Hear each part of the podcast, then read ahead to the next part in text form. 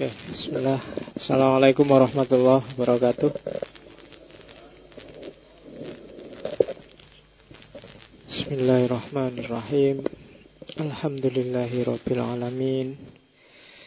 Assalatu wassalamu ala habibina wa syafi'ina asyrafil anbiya wal mursalin Sayyidina wa maulana Muhammadin wa ala alihi wa ashabihi ajma'in Amma ba'du. Bismillah. Kita lanjutkan ngaji kita. Malam hari ini kita masih di India. Minggu lalu sudah ketemu Hinduisme. Kita ngincipi sebentar Nyemil sedikit Hinduisme. Malam ini cemilannya ganti Buddhisme jadi cemilan ya, bukan makan besar. Karena kita cuplik dikit-dikit, kita lihat skema besar filsafat Buddhisme dan semoga ada sesuatu yang bisa kita ambil. Jadi visinya itu. Kalau benar-benar tertarik Buddhisme ya monggo dibaca sendiri. Jadi saya tidak akan ngomong sejarah agama Buddha, saya tidak akan ngomong Theravada, Hinayana, Mahayana enggak. Saya cuma masuk ke beberapa isu yang mungkin inspiring, bisa menginspirasi kita. Karena seperti saya jelaskan di awal-awal ngaji kita, ini kan semacam perjalanan menjumputi hikmah yang terserak di mana-mana di pikiran banyak sekali filosof termasuk dalam Buddhisme. Bahkan ada yang bilang banyak kajian yang membahas jangan-jangan Buddhisme itu bukan agama, tapi sistem kefilsafatan tertentu. Cuma sebagaimana Hindu yang orangnya tidak pusing dia disebut agama Hindu meskipun hakikatnya agama Weda, Buddhisme juga begitu. Mereka tidak terlalu pusing kalau disebut bukan agama. Banyak yang menyebut dia non-teis atau bahkan ateis. Dianggap tidak punya Tuhan. Cuma dia tidak pusing dengan semua itu. Karena memang basis filsafatnya sendiri nyuruh tidak pusing. Jadi dasar berpikirnya sendiri nyuruh ngapain pusing-pusing dengan nama, ngapain pusing-pusing dengan identitas. Toh semuanya ilusif sifatnya. Semuanya maya, bikinan, permainan pikiran. Nah, oke. Okay. Orang kenal Buddha biasanya langsung nyambungnya ke founding father-nya Siddhartha Gautama. Yang tertarik sejarahnya ya boleh dibaca riwayatnya. Yang paling enak itu yang tulisannya Herman Hesse itu yang judulnya Buddha. Itu itu agak inspiring cara dia mengemasnya. Ada beberapa tokoh spiritual juga yang nulis riwayatnya Buddhisme. Kalau ada seorang tokoh reformer India namanya Abul Kalam Azad. Bagi Abul Kalam Azad, Siddhartha Gautama itu nabi. Kalau dalam Islam dia adalah Nabi Zulkifli. Kenapa disebut Nabi Zulkifli? Alasannya Abul Kalam Azad Zulkifli itu bukan nama Tapi menunjuk tempat Kifl atau kafil Dan itu sebenarnya menunjuk nama tempat kelahirannya Siddhartha Yaitu Kapilawastu Ya, jadi alasan yang pertama itu Alasan kedua Buddha ini mengalami pencerahan di sebuah pohon yang kita kenal namanya pohon Bodhi. Pohon Bodhi ini kalau dalam bahasa Arab, kalau di Indonesia mungkin biasanya diterjemahkan pohon ara. Kalau di bahasa Arab namanya pohon tin. Dan dalam Al-Quran kan disebut itu kan empat Nabi Ulul Asmi dengan simbolnya masing-masing watini, wazaitun, waturi sinin, Wahadal baladil amin. Baladul amin itu Mekah, Zaitun itu Yerusalem, Nabi Isa. Ini wa Zaitun, Waturi Sinin itu bukit Sinainya Nabi Musa. Dan yang kata paling awal Watin itu sebenarnya merujuk pada pohon bodi miliknya Nabi Zulkifli. Nah, itu argumen-argumennya Abdul Kalam Azad. Panjang sebenarnya silahkan dicari. Kenapa kok Abdul Kalam Aziz? Karena di antara nabi-nabi, Nabi Zulkifli ini yang oleh Al-Quran riwayatnya disebut sangat minimal. Jadi kita harus meraba-raba siapa beliau ini. Oke, ya yang tertarik monggo dibaca sendiri karena isu-isu kayak gini kan agak sensitif. Yang Buddha juga sensitif, yang Islam juga sensitif. Nanti orang Buddha kan juga mesti marah-marah juga kan. Wow, wong Islami kabeh dipek. Nek ana sing apik-apik dipek kabeh. Iya. Sing Islam juga gitu, ndak terima masa Buddha itu kan kafir, nggak punya Tuhan. Masa Islam kan gitu terusan. Ya wis lah, sing waras ngalah sekarang kita cari. Ada hikmah apa dari tokoh kita Siddhartha Gautama. Bismillah. Ya, seperti saya jelaskan di awal kita ngomong India bahwa Buddhisme itu sebenarnya gayanya masih agama Weda cuma yang non mainstream. Ya kan? Yang melawan arus, yang heterodok, bukan yang ortodok. Jadi banyak ajaran-ajaran Buddhisme itu sebenarnya melanjutkan atau meneruskan menyetujui beberapa ajaran-ajarannya Hinduisme. Dengan modifikasi tertentu meskipun juga ada beberapa yang ditolak. Yang sangat jelas ditolak yang pertama adalah itu otoritas teks-teks Weda kalau orang Hindu kan Weda itu primer. Qurannya tidak boleh diotak-atik, luar biasa. Tapi kalau di Buddha tidak. Weda itu kitab suci itu hanya petunjuk, pedoman. Dan itu tidak sangat penting. Yang lebih vital adalah perjalanan. Bukan kitab sucinya. Tidak ada gunanya kitab suci luar biasa diagung-agungkan, diunggul-unggulkan, tapi tidak fungsional. Jadi kitab suci itu peta. Nggak ada gunanya kamu ngerti peta kalau nggak pernah ke sana.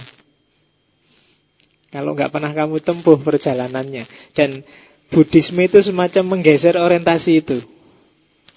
Dari orientasi grafis, orientasi selalu ke kitab suci, ke orientasi pengalaman. Alami langsung. Tidak usah ribut sholat hukumnya apa, mana yang madhab A, madhab B, tapi sholatlah. Jalani aja. Nanti kamu akan dapat sesuatu sendiri dari perjalananmu. Nah itu gugatan pertama Buddhisme pada Hinduisme. Ya mungkin agak nyindir kita lah. Islam itu kan sangat kuat di tradisi grafisnya. Boleh, tidak apa-apa. Cuma jangan berhenti di situ. Kita kan kebalik, kita kembalinya ke kan ke Quran hadis. Lu kok malah kembali ke situ? Jalankan isinya Quran hadis. Kalau kembali ke situ nanti mandek di teks. Nah itu sebenarnya kritiknya Hinduisme pada Buddhisme. Jadi Quran hadis bukan tempat kita kembali, tapi pedoman kita untuk berjalan. Oke, yang itu yang sangat dikritik oleh Buddha. Masa kitab suci jadi tempat kita kembali? Itu kan cuma rujukan kita aja Panduan kita untuk berjalan. Jadi peta bukan tujuan kita. Tapi peta itu Dasar kita untuk berjalan Biar nggak kesasar kan itu. Oke Itu yang dikritik pertama oleh Buddha. Yang dikritik kedua Sistem kasta. Kemarin di Hinduisme kan ada kasta-kasta itu kan ada Brahmana, ada Sudra, ada Waisya. Kalau di Buddhisme tidak ada. Setiap orang punya kesempatan yang sama untuk naik kasta. Setiap orang sejajar kesempatannya untuk mengalami pencerahan. Ini ini sudah kalau hari ini saya ngomong ini sudah nggak aneh karena kita itu sudah tidak di dunia yang berkasta kan. Jadi sekarang orang siapa pun dia levelnya sama. Oke, terus yang ketiga politeismenya Hindu. Personifikasi Tuhan yang sangat banyak. Itu kalau di Buddhisme ditolak karena terlalu jelimet, terlalu rumit. Nanti kita sibuk melayani Tuhan-Tuhan yang sangat banyak itu. Padahal perjalanan tidak ke situ harusnya. Maka Tuhan-Tuhan yang banyak dan luar biasa di Hinduisme itu dikritik habis-habisan. Dan yang ketiga, kependetaan. Jadi kependetaan apa eksklusivisme kebangsawanan para pendeta, ke kenikmatan para pendeta dalam tanda petik. Itu yang digugat oleh Buddhisme. Makanya pendeta-pendeta Buddha itu kan enggak biasanya enggak wah dia cuma pakai baju yang warnanya kuning. Kuning itu kan enggak gaya sama sekali, apalagi cuma diubut-ubutkan itu kan. Analoginya kuning itu memang ke yang kotor-kotor. Jadi itu bajunya aja kayak gitu enggak modis sama sekali. Coba bayangkan kalau di ada yang nonton Sun Gokong ya dengan pendeta-pendetanya Hindu misalnya. Nah, itu kan ada yang saingan mahal-mahalan jubah, indah-indahan jubah. Tongkatnya aja dari emas, anunya itu itu bedanya. Itu yang dikritik oleh Buddhisme.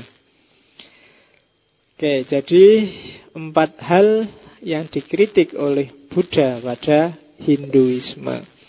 Dan nanti pengaruhnya luar biasa. Agama-agama hari ini yang tumbuhnya sangat cepat itu Buddha, Buddhisme. Bukan Kristen, bukan Islam, apalagi bukan Yahudi.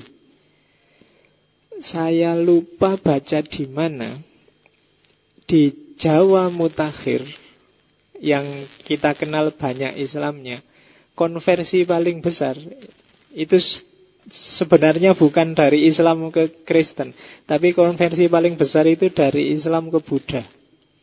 Kebalik ya, dulunya Buddha, Seolah-olah Buddha itu Islam datang ditinggal Tapi belakangan Ah saya lupa penelitiannya siapa. Orang Jerman apa mana itu pen, Penelitian terbaru itu Konversi paling besar di Jawa itu Islam ke Buddha.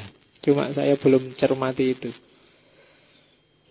Dibahas banyak oleh orang-orang ex-muslim Bahwa banyak orang Islam gelisah dengan agamanya sendiri Terus nyari agama yang lebih adem Dan ketemunya di Buddhisme artis-artis Hollywood itu kebanyakan kalau konversi juga larinya ke Buddhisme.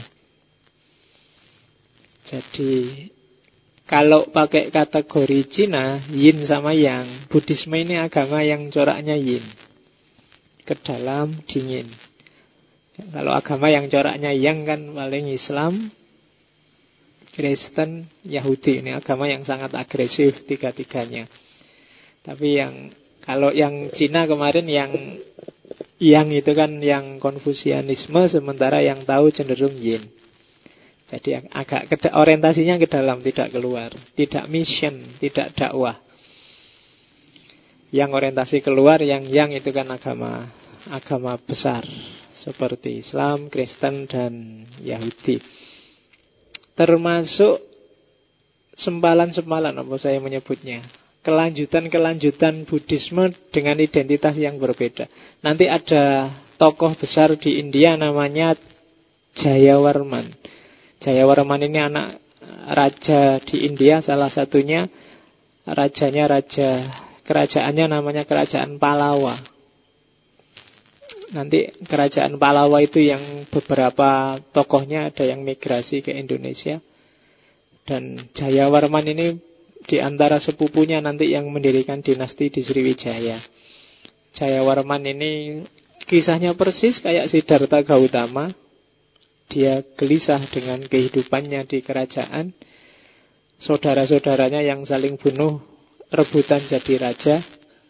Terus dia keluar dari kerajaan dan jadi pendeta Buddhisme besar. Nanti di Cina dia dikenal dengan nama Bodhidharma Orang inilah nanti yang menyebarkan ajaran-ajaran Buddhisme versi dia sesuai tafsirannya dia sendiri. Yang di Jepang dikenal sebagai Zen, nanti di Cina dikenal sebagai Chan, nanti cari buku-buku yang judulnya C H A N, itu kan Chan. Bahasa Indianya sebenarnya Diana. Bahasa Arabnya adalah Din jalan agama dan itu yang disebarkan oleh Bodhidharma. Nanti kisah-kisahnya banyak. Makanya orang Cina ketika bingung memahami rumusan agama-agama baru termasuk Zen, termasuk Chan ini terus nyari petunjuk disuruh jalan ke barat ke India. Nah, terus lahirlah cerita Sun Gokong itu. Untuk ngambil kitab suci yang ada di sana. Oke, yaitu fiksinya. Tapi itu sebenarnya ingin menunjukkan bahwa sumbernya dari sana. Oke, Bodhidharma itu kadang-kadang disebut pendeta Tatmo. Nanti dianggap yang punya cikal bakal menurun, menurunkan bela diri semacam kungfu dan Shaolin. Oke, itu sejarahnya.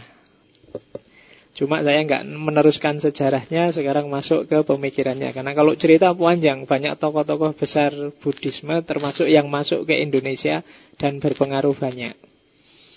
Sampai terakhir di Majapahit, yang dikenal dengan Siwa Budanya. Tapi pada saatnya kita akan ngomong Indonesia dan Jawa.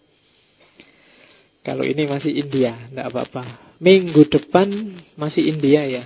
Saya ada yang meminta dengan sangat disuruh ngomong tentang Kama Sutra. Saya mau cuma saya harus loncat satu bab pada bagian teknik. Ya, karena di balik Kama Sutra ada beberapa filosofi yang luar biasa. Jadi minggu depan tidak apa-apa lah mungkin biar kamu jadi balik. Kita kita ngomong Kama Sutra. Tidak, cuma Kama Sutra bukan yang saru-sarunya loh ya, tapi tapi filosofinya dan jangan berharap ada gambarnya. Ya, jadi ya pemana videonya ya. Kamu kan sudah nonton semua kalau videonya. Ah, sekarang filosofinya aja kita lihat ada filosofi apa di balik Kama Sutra. Ya sebenarnya lahirnya dari tradisi Hindu Cuma dia punya orientasi yang khas Yang beda dengan babonnya Kitab Weda Kalau Weda lebih luhur Kama Sutra agak dangkal tapi punya visi visi pencerahan yang luar biasa. Kita lihat minggu depan. Setelah itu saya tidak tahu kalau sempat kalau nggak bosan kita masih ngomong kita terus terakhir kita tutup dengan Gandhi sama-sama dari India. Baru nanti kita kembali ke barat agak panjang kita akan ngomong filsafat ketuhanan gaya barat. Kalau bosan kita balik lagi ke timur mungkin ngomong Jepang.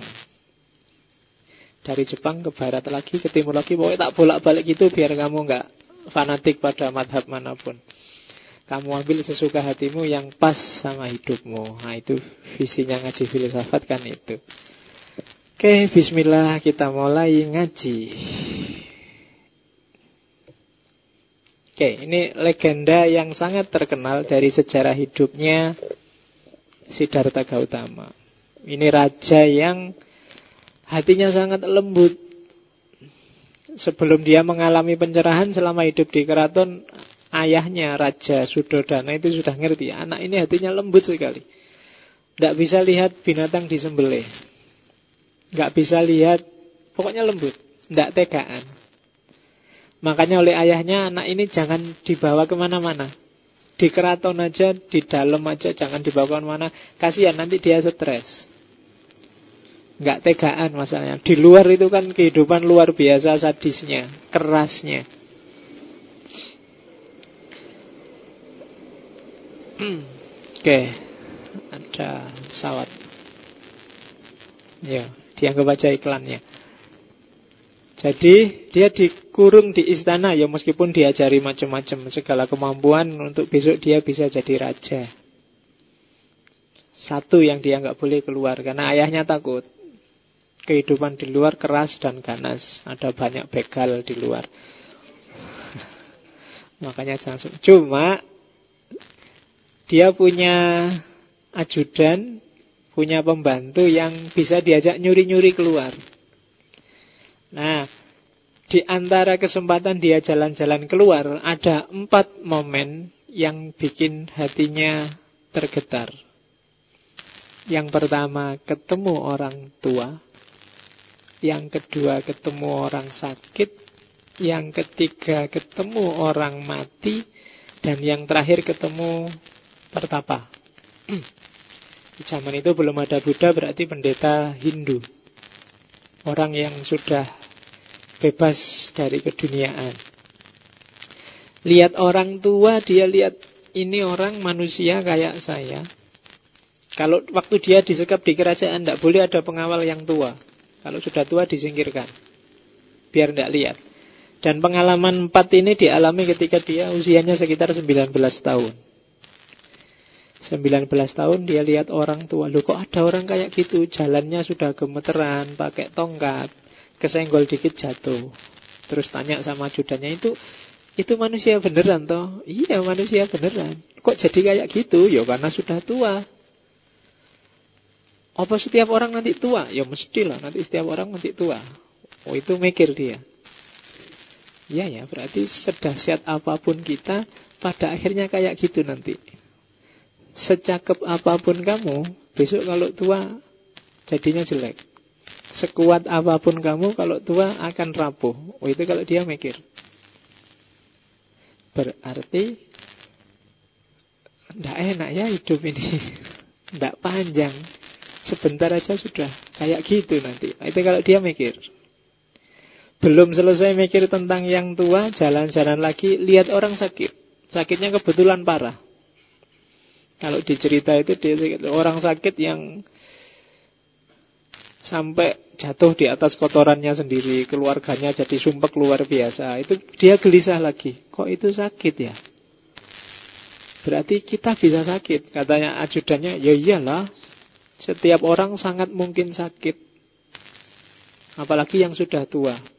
Gelisah lagi dia. Dan terakhir lebih dahsyat lagi lihat orang mati. Kok bisa ya orang mati? Dia tidak pernah lihat orang mati, lihat orang mati kaget. Kalau kita kan sudah biasa kan. Kemarin lihat Olga mati aja kan kamu wah, malah seneng-seneng rame-rame selfie-selfie. Dia dia mikir, kamu Olga mati mikir enggak? Enggak ya. Kematian bukan sesuatu yang mengagetkan bagimu. Tapi bagi si Siddhartha Gautama ini luar biasa loh. Ternyata ada tiga hal yang pasti yang selama ini saya tidak tahu bahwa besok saya mesti tua. Bahwa saya ini pasti bisa sakit dan bahwa besok saya bisa mati. Oh, ini menggelisahkan loh. Coba kamu lagi seneng-seneng terus, wah besok aku mati ya. Ini kan sumpek. Kamu lagi merasa, wah enak-enak terus, wah tapi aku bisa masuk angin nih, bisa flu nih, bisa kan ini. Gak enak loh. Misalnya kamu seneng-seneng mau minum teh terus iya ya teh bisa bikin diabetes loh ini. Mau minum teh aja gelisah, minum air putih juga gelisah. Makan garam gelisah, ngerokok gelisah, ya kan? Hati-hati jangan ngerokok, nanti jantungan, nanti macam-macam kan kamu kemarin nggak apa-apa ngerokok, tapi begitu ngerti ngerokok bisa bikin jantungmu hancur kan, terus kamu gelisah juga kan? Oh itu eksistensial kalau di Gautama. Terus apa enaknya hidup ini? Ternyata segala yang kita nikmati ada cegatan-cegatannya yang tidak enak. Dia gelisah dan yang terakhir lihat pertapa pendeta. Ini orang kok kelihatannya tentrem sekali ya. Apa ndak ngerti kalau besok dia itu mati? Apa ndak sumpah kalau dia bisa sakit? Apa ndak takut kalau besok dia tua, nggak kuat ngapa-ngapain? Harus pakai tongkat, bahkan kadang harus digendong ke mana-mana. Tapi dia kok senyum ke mana-mana, ndak gelisah sama sekali, ndak kaget, ndak sumpek. Di sekitarnya ada apa dia juga tidak terpengaruh. Pertapa. Dan inspirasi-inspirasi dari pertapa yang nanti ada momen-momen ketika dia ngobrol sebentar dan sampai dia menyimpulkan, ah kalau gitu istana ini nggak ada enaknya apa-apa. Nggak, menarik sama sekali. Nah, itulah yang nanti bikin dia keluar dari istana. Sebenarnya kisah Siddhartha Gautama ini agak prototipe. Banyak sekali mistikus yang awalnya kalau tidak pangeran, ya putra mahkota, ya bangsawan. Yang gelisah oleh kekayaannya, gelisah oleh kebangsawanannya, kepangerannya, terus keluar dari kerajaan. Di Indonesia juga ada beberapa kisah semacam itu. Dalam dunia sufi banyak. Bahkan Ibrahim bin Azam itu ya mantan raja. Suatu ketika Ibrahim bin Azam istananya didatangi oleh Khidir yang nyamar jadi pengembara. Tiba-tiba Khidir nyelonong masuk istananya. Terus tiba-tiba masuk dimarahi sama pengawalnya dilaporkan ke Ibrahim bin Adham. Terus ya sudah kamu tak ampuni, tapi ya jangan di sini. Kalau musafir itu ya istirahat di penginapan di mana di keraton. Bukan peristirahatan keraton ini bukan peristirahatan sementara. Terus Khidir tanyakan pada Ibrahim bin Adham, kamu di situ sejak kapan? Sepuluh tahun yang lalu. Sebelum kamu ada siapa? Ayahku yang di sini. Berapa tahun? 90 tahun. Sebelum ayahmu siapa yang di situ? Kakekku. Berapa tahun? 100 tahun. Loh ya berarti di sini kan memang persinggahan sementara. Jadi saya musafir tidak apa-apa tuh tidur di sini. Nah, dari situ Ibrahim bin Asadur, iya ya ini persinggahan sementara ternyata. Yang tak bangga-banggain itu ternyata tidak kekal. Nah, dari situ terus mengalami kegoncangan dan terakhir kabarnya Khidir juga yang nyamar tadi maling naik ke atas terus diteriaki dari bawah oleh Ibrahim Atom eh siapa yang di atas nyari apa kamu saya lupa itu nyari apa pokoknya nyari yang tidak mungkin ada di gendeng lu masa nyari kok di gendeng gitu kan terus malingnya bilang, ya kayak kamu itu nyari tentram kok di istana. Tidak akan ketemu juga. Nah, akhirnya dari situ terus dia keluar dari istananya. Itu Ibrahim bin Adham. Masih banyak cerita-cerita kayak gitu. Nah, kalau kita mungkin tidak bisa, kita bukan pangeran, bukan orang kaya, bukan orang istana, jadi kita masih ngiler sama istana, kita masih ngiler sama kekayaan, jadi ya prosesnya harus beda, tidak kayak mereka. Carilah tokoh-tokoh yang sama kirinya kayak kita. Ya, lo kalau contohnya rojo-rojo ya ndak nyambung sama kita ya. Kita masih ngiler sama uang banyak. Uh, uh, benchmarknya nggak pas. Oke, tapi yang jelas empat tanda ini menggelisahkan. Meskipun kenapa kok saya nggak gelisah pak? Karena kamu males mikir. Kamu tidak serius sama hidupmu. Kalau serius, empat tanda ini akan bikin kamu gelisah. Berarti kita punya ciri besar bahwa kita tidak kekal, kita ini tidak luar biasa, kita ini tidak kuat, kita ini punya banyak beban. Nah, itu itulah nanti yang bikin Siddhartha Gautama mengembara, nyari sebenarnya kayak gimana sih kunci hidup ini itu yang bagi saya mencari cahaya. 6 tahun dia nyari 72 purnama 2184 hari. Dia mencari pencerahan. Sempat berguru pada dua orang tokoh besar zaman itu. Dari yang pertama, guru Arada Kalama. Dia belajar meditasi dan fana melenyapkan diri bersatu dengan Brahman. Kayak kemarin di Hinduisme. Tapi dia ndak ndak terjawab problemnya. Meditasi dan bersatu dengan Brahman itihad tidak bikin batin tenang, tidak bikin jiwa jadi teduh. Mengingkari kenyataan, mengingkari hakikat diri sebagai manusia. Itu jawabannya Buddha yang pertama. Anda kelihatannya luar biasa sih fana. Sampai lupa kayak orang pingsan, kayak orang tidak sadar. Tapi tidak manusiawi. Terus dia nyari guru lagi. Namanya Udaraka Ramaputra. Dari guru yang kedua dia belajar bakti, belajar yoga. Mempersembahkan hidup untuk ibadah atau yoga itu kan kalau di Islam kayak syariahnya ibadah. Sakpol poli mungkin puasa, sholat tahajud. Dan yang sejenis itu. Cuma ritual yang namanya ibadah ini sama, tidak menghapus gelisahnya. Bagi dia, iya sih sholat misalnya, tak kasih contoh sholat. Sholat itu bikin tenang, tapi setelah sholat sumpek lagi. Ngaji itu bikin nyaman, tapi setelah ngaji ya sumpek lagi. Kalau hatimu gelisah, sedang galau, ngajilah. Waktu ngaji mungkin galaunya hilang, karena kamu harus ngeja satu-satu jadi bingung. Mikir ngajinya. Tapi setelah ngaji, ingat lagi, galau lagi. Galau itu kan gitu. Coba kamu apa wis diputus pacarmu terus sholat malam, sholat tahajud, nangis-nangis. Waktu tahajud itu wis ah pacar enggak apa-apa. Tapi besok pagi sumpek lagi. Ya kan ngaji sumpek lagi. Itu yang katanya Bu Sidarta, wah ini cuma persinggahan sementara. Menghibur sebentar tapi sumpek lagi. Kenapa? Karena nggak belum ketemu intinya. Mungkin tidak salah yoganya, tidak salah meditasinya. Tapi dasarnya yang belum beres ini. Maka terus dia uzlah. Kalau di kisah itu ada temannya enam. Menyiksa diri habis-habisan. Pokoknya semua yang dianggap religius, dianggap bagus, dijalani. Tapa, semedi, telanjang, tidak pakai baju, itu anu semua. Cuma dapatnya dia, ah lagi-lagi tidak manusiawi. Masa Tuhan nyuruh kayak gini? Sadis sekali. Seandainya Tuhan ada apa yo tego lihat saya sesengsara ini.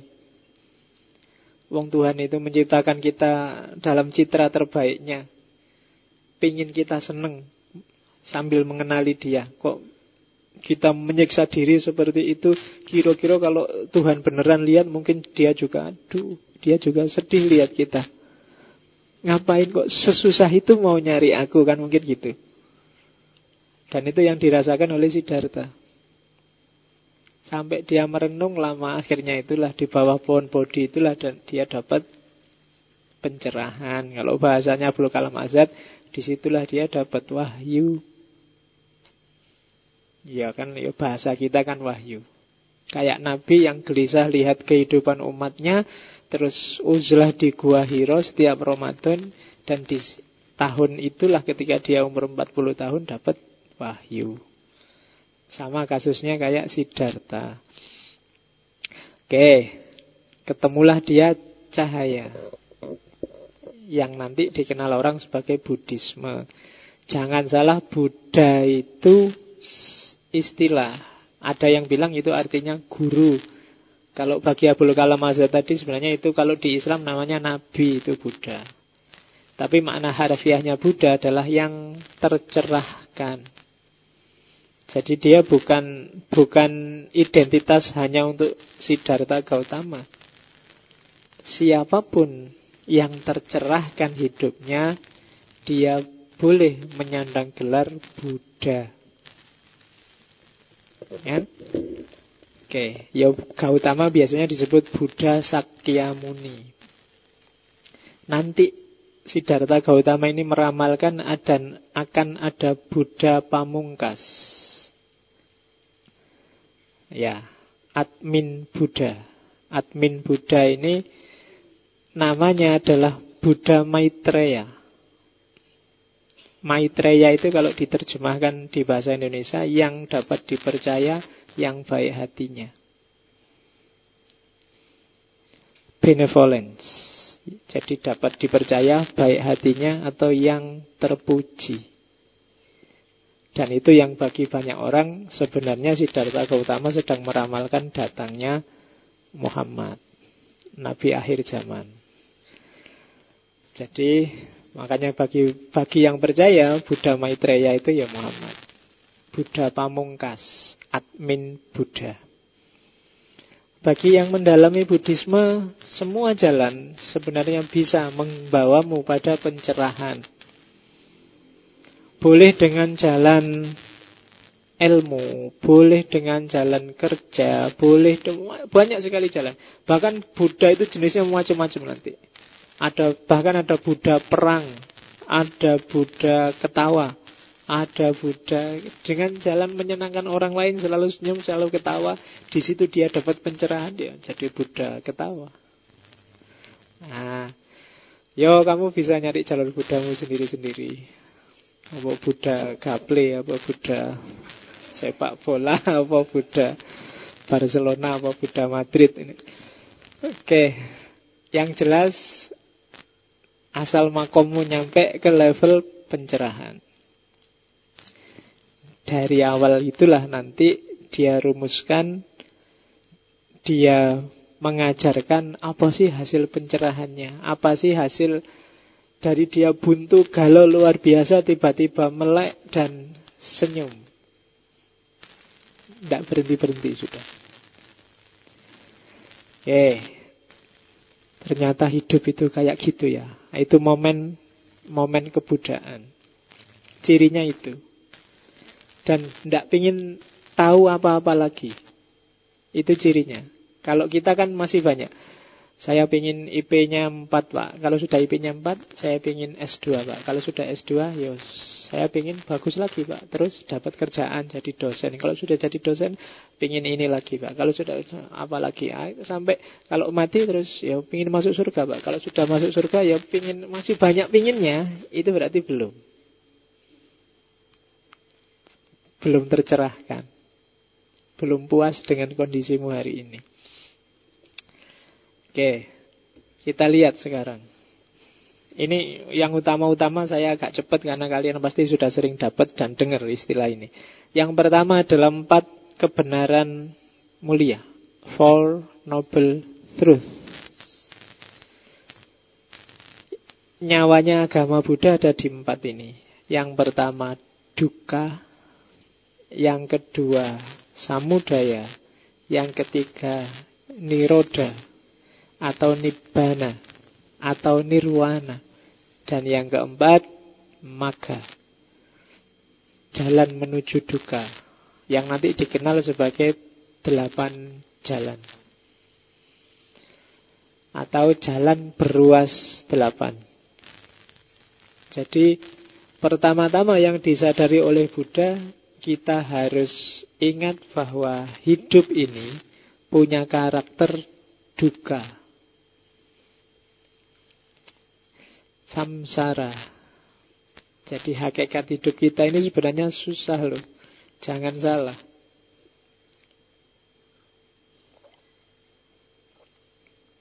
Coba dicermati. Kalau di Siddhartha ada tiga jenis penderitaan, ada tiga jenis duka. Yang pertama, penderitaan biasa. Tiba-tiba kamu digigit nyamuk, terus gatel, kamu garuk. Biasa kan? Tiba-tiba kok sumuk, ya ini mau hujan nggak jadi-jadi sumuk. Itu kan penderitaan loh itu sebenarnya, tapi ya biasa. Mau pulang kok macet, biasa. Sifatnya gampang diatasi, duka-duka. Tapi ada level yang agak dalam penderitaan karena perubahan. Ya kan? Dulu rambutmu bagus, sekarang rontok jadi buta. Itu kan perubahan. Dulu kamu punya pacar terus putus, berubah. Dulu selalu gitu, karena hidup ini tidak ada yang konstan, selalu berubah, maka penderitaan tersendiri perubahan itu. Kamu kan pingin nyambok kayak zaman dulu loh pak. Waktu kecil apa-apa dikasih Seneng terus, main terus, ketawa terus, enak. Sekarang kuliah sumpek pak. Apa-apa harus ngatur sendiri Duit tidak cukup, keinginan besar Tapi yo modalnya kurang Jadi galau tiap hari Kenapa penderitaan? Dulu waktu kecil Tidak kan kamu seneng luar biasa Maka kenangan itu kan sesuatu yang sangat Pingin kamu ulangi lagi Kadang-kadang kenangan jelek aja kamu ingin kembali ke sana. Wah, zaman aku kecil itu waktu dimarahi Pak Guru. Kamu ketemu gurunya yang dulu marahi kamu itu loh merasa, wah, kembali ke masa lalu enak ya. Karena perubahan itu menyakitkan, katanya Buddha. Ada putus asanya, ada sedihnya.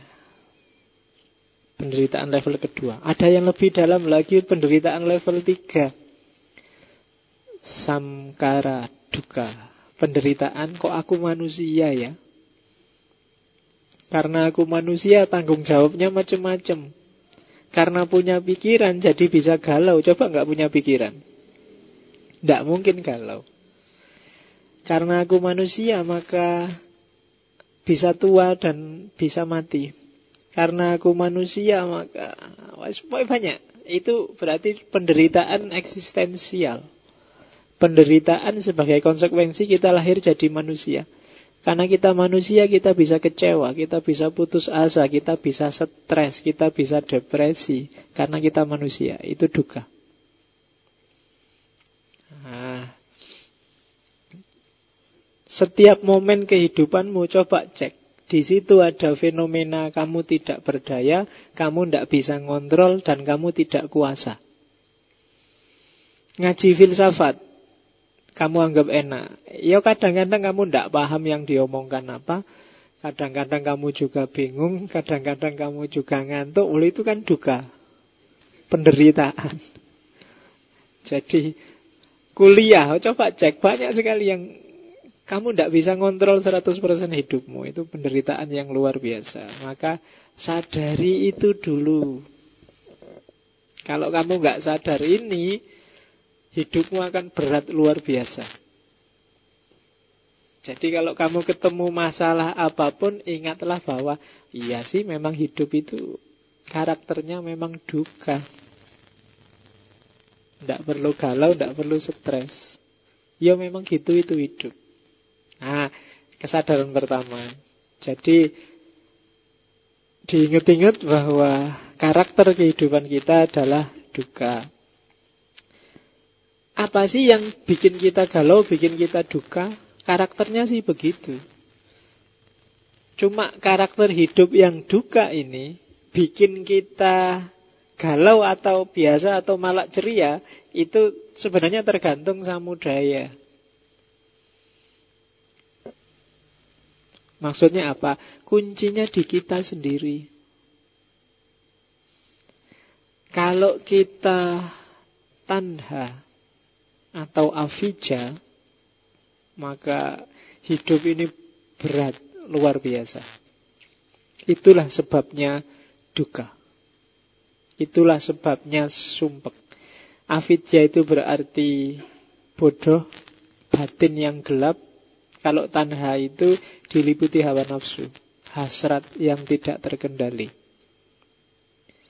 Semakin besar kebodohanmu, semakin tidak terkontrol hasratmu, semakin berat hidupmu. Nah, itu samudaya. Jadi kalau ada orang banyak, kalau hidup itu duka, sebabnya apa? Sebabnya karena manusia berhasrat dan manusia tidak tahu. Manusia bodoh. Kalau tahu bahwa hakikat hidup ini memang begitu, mungkin kamu tidak galau. Atau meskipun sudah tahu, tapi hasratmu macam-macam, kamu juga pasti akan galau. Pingin ngerti filsafat, mau coba buku sampai uyel-uyel ndak iso-iso. Dan kamu ambisi terus, wah itu kan menyiksamu pingin A, pingin B, pingin C, terus begitu. Itu kan menyiksa. Dan itulah sumber duka. Semakin banyak keinginan berbanding korelatif dengan semakin banyak kekecewaan.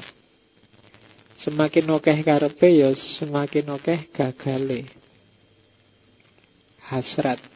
Mereka yang tidak bisa mengontrol hasrat akan berhadapan dengan duka.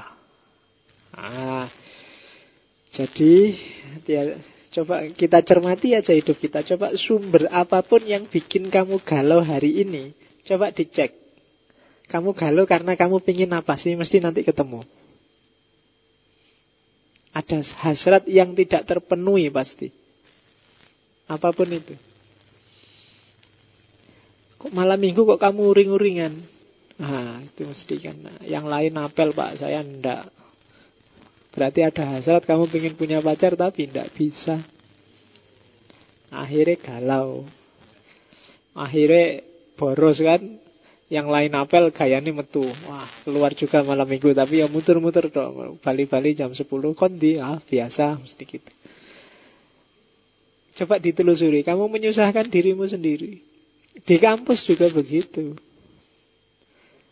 Hasrat pingin A, hasrat pingin B, hasrat pingin C. Itu nanti jadi sumber duka pasti. Semakin sedikit hasratmu, semakin nikmat hidupmu. Nah, itu rumusnya. Semakin kamu tidak pingin macam-macam, semakin nyantai. Coba aja. Katanya Buddha loh ya. Jangan tertipu oleh samudaya.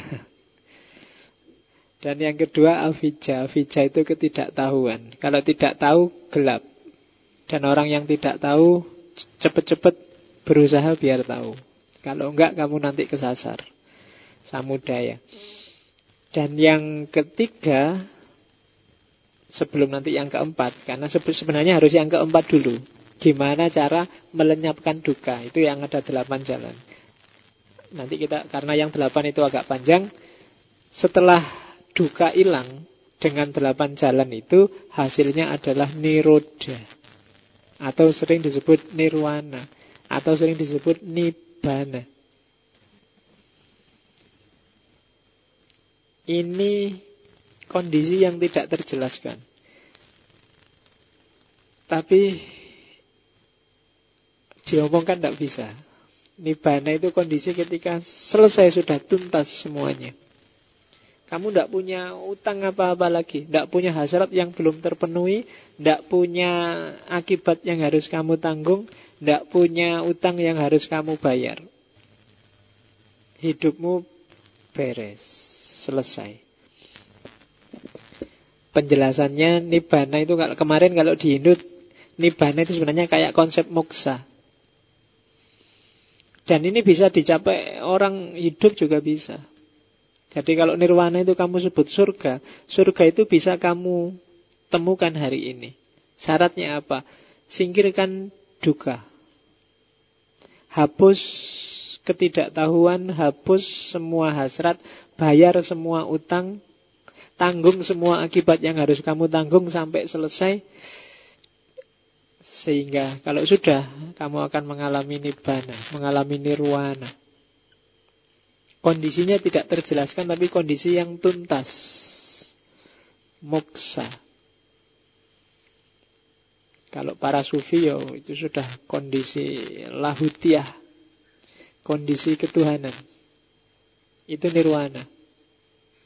Jadi nirwana tidak sama dan sebanding dengan surga dalam kepalamu. Kalau dalam kepalamu surga itu kan bangunan yang besar luar biasa, di sana banyak bidadarinya, kamu minta apa aja dikasih. Tidak, kondisi nirwana itu kondisi ketika batinmu sudah tentram luar biasa. Kamu sudah puas dengan segalanya, tidak ada utang apa-apa lagi, semua hasrat sudah selesai. Di situ kamu mengalami nibbana, nirwana. Oke, Ya ini mungkin agak susah di level kita, tapi pokoknya kamu benchmark aja, kamu catat aja, ada loh gaya berpikir semacam ini. Atau jangan-jangan ini alternatif untuk menjelaskan surga kita yang sangat fisikal, sangat person dan material. Oke. Ah, intinya ini nanti. Maka atau kalau di bahasa Jawa kan jadi marga. Jalan. Bahasa Jawa loh ya. Makanya ada jasa marga. Jasa yang melayani urusan perjalanan. Cuma itu kalau jasa marga bisa korupsi, tapi kalau ini tidak bisa. Kalau korupsi ya urusan dewe. Jalannya apa? Untuk tadi kita bebas dari samsara, bebas dari roda reinkarnasi, Biar kamu nggak capek lahir kembali, lahir kembali. Tempuh delapan jalan. Namanya jalan mulia berunsur delapan. Ini kelihatannya sedikit cuma delapan, tapi kalau dijalankan ya berat luar biasa. Kalau Musa punya ten commandment, jadi sepuluh perintah Tuhan, kalau Buddha cuma dikasih delapan. Tapi yang delapan ini jauh lebih berat menurut saya daripada yang sepuluh. Yang sepuluh itu kan agak material, jangan membunuh, jangan berbohong, jangan kan. Tapi ini agak berat delapannya. Yang yang delapan itu bisa dikategorikan jadi tiga kategori kebijaksanaan, wisdom, kategori moralitas, sila, dan kategori samadhi, konsentrasi. Kebijaksanaan kalau di Buddha isinya dua, bahwa kamu harus punya pengertian yang benar dan punya pikiran yang benar. Ini yang berat. Mengejar dua ini aja kita ngaji sampai tujuh kali lebih kan masih belum nyampe-nyampe. Pemahaman yang benar tentang hidup dan pikiran yang benar. Kita mikirnya masih melenceng-melenceng. Mungkin situasinya nggak mendukung. Karena saya lihat hari ini yang masuk di kepala kita kalau ndak TV yo internet atau koran. Dan TV, internet, koran itu kan isinya mengacaukan isi pikiranmu. Kamu tidak bisa punya pikiran yang benar dari TV. Pengertian yang benar dari TV kamu tidak nyampe. Maka pinter-pinter memilah. Bahkan buku pun sekarang kamu juga harus hati-hati kan. Sekarang setiap orang bisa nyetak buku. Murah sekarang. Kamu dengan biaya 100-200 ribu bisa punya buku. Jadi buku itu sebenarnya karya yang agung luar biasa sekarang sudah ecek-ecek. Kamu ke toko buku itu sampulnya apik-apik begitu dibeli dibuka di rumah ada daripada beli ngenet tapi wae nah, isinya cuma kayak gitu kan nah, iya menipu kamu nggak dapat pengertian yang benar dari sana pinter-pintermu hari ini ini akhir-akhir ini kan memang pikiran kita kacau luar biasa. Kadang logika kita kebolak-balik. Pengaruh WhatsApp, pengaruh Facebook, pengaruh Twitter, pengaruh itu kan bolak-balik. Benar dan salah sekarang tidak karu-karuan. Maka latihanlah nyari pengertian yang benar dan pikiran yang benar. Kalau sudah beres itu, baru kamu latihan jadi orang yang bermoral. Ngomong yang benar, berbuat yang benar dan bekerja yang benar. Kalau wisdom dua yang pertama belum, kalau kamu tidak punya yang pertama berarti kamu susah nyari yang benar. Kalau kamu nggak punya yang pertama, kamu tidak akan bisa ngomong yang benar. Kalau nggak bisa ngomong yang benar ya, kamu tidak punya pengertian yang benar. Yang kamu lakukan juga pasti tidak benar kerjaanmu juga nanti juga tidak akan benar. Jadi kuncinya ada di wisdom, di filsafat, di hikmah. Kalau yang pertama kamu tidak punya, yang kedua kamu tidak akan bisa nyampe, yang ketiga apalagi tidak akan bisa jalan. Itu yang tadi disebut basis. Itu yang sejak tadi dicari oleh Siddhartha Wong sama-sama hidup ini samsara loh, kok dia bisa senyum-senyum? Kenapa? Dia sudah ngerti mana yang benar. Sementara kita yang merengut tiap hari, teriak-teriak, marah-marah tiap hari, sinis tiap hari. Ya kan, tiap hari kan coba bikin meme itu kan sama dengan sinis pada apa pun tiap hari, terus kehilangan wisdom. Kalau kehilangan wisdom, kehilangan basis. Kalau sudah ketemu wisdom, ngomongmu pasti akan benar karena kamu ngerti kebenaran. Dan yang kedua, perbuatanmu juga pasti akan benar karena dasar fondasimu benar. Kerjaanmu juga pasti akan benar. Kalau yang pertama dan yang kedua sudah, baru kamu mikir peningkatan kualitas diri, pengembangan diri. Janjinya aku hidup itu untuk apa, mau ke mana, tujuannya apa. Jangan sampai mengulang kesalahan yang sama. Harus selalu naik kelas. Yaumuhu khairun min amsihi terus. Nah, itu nanti butuh level ketiga, konsentrasi. Isinya tiga, daya upaya yang benar, perhatian yang benar, harus fokus, dan yang kedelapan, konsentrasi yang benar. Nah, jadi itu jalan mulia berunsur delapan. Kalau kalian bisa menjalankan delapan ini, ini muter, maka kalian akan bebas dari lingkaran samsara tadi. Dari sebab akibat yang menjebak tadi. Nah, itu wahyu yang diterima oleh Siddhartha Gautama. Delapan jalan kebenaran. Ya, makanya tadi tak bilang diomongke pena, cuma dilakoni abot.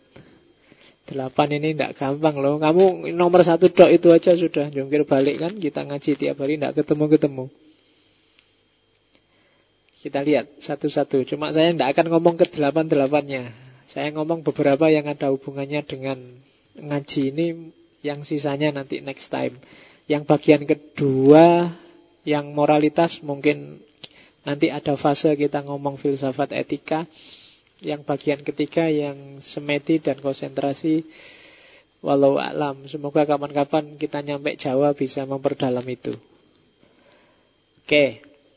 Apa sih pengertian yang benar itu? Pengertian yang benar adalah pahamilah yang pertama tadi empat kasunyatan kebenaran mulia. Setelah itu pahamilah tilakhana tiga corak umum kehidupan, tiga gaya hidup. Yang ketiga patika samupada, hukum sebab akibat, sebab musabab. Dan yang keempat hukum karma. Ini ngertilah empat hal itu. Yang yang pertama yang tadi, yang empat kebenaran mulia, yang kedua tiga corak umum kehidupan, yang keempat hukum sebab akibat, ya, yang ketiga hukum sebab akibat dan yang keempat karma. Nanti ada penjelasannya di belakang. Terus berpikirlah secara benar. Pemikiranmu harus benar. Pemikiran yang benar adalah yang pertama nekama. Jadi bedanya barat sama timur, kalau barat ngomong pemikiran yang benar, yang diomongkan tekniknya. Kalau orang timur ndak pertama-tama ndak penting tekniknya, yang penting apa? Visinya. Karena teknik itu bisa manipulatif. Teknik itu pisaunya. Yang menentukan pisau ini dipakai ngiris sayuran atau bunuh orang, itu visinya. Maka di timur kalau ngomong pemikiran yang berat, dia tidak sibuk dengan teknik. Wong orang tidak usah belajar logika aja kan sebenarnya sudah bisa mikir. Maka yang pertama-tama diperhatikan adalah visi berpikirnya yang benar. Yang pertama nekama. Nekama itu kalau mikir sifatnya jangan egois. Jangan mementingkan kesenanganmu sendiri, Jangan pingin menang sendiri. Jangan pingin enak sendiri. Itu prinsip pertama. Siapa pun orangnya Yang cara berpikirnya Pingin menang sendiri Pingin benar sendiri Pingin enak sendiri Maka tidak termasuk pemikiran yang benar. Meskipun mungkin secara teknik Secara logis iya debat antara yang pro Jokowi dan anti Jokowi itu secara teknik sama-sama logisnya podo bener Tapi apakah mana yang egois untuk kelompoknya sendiri, mana yang benar-benar untuk kepentingan kebenaran, kamu yang tahu.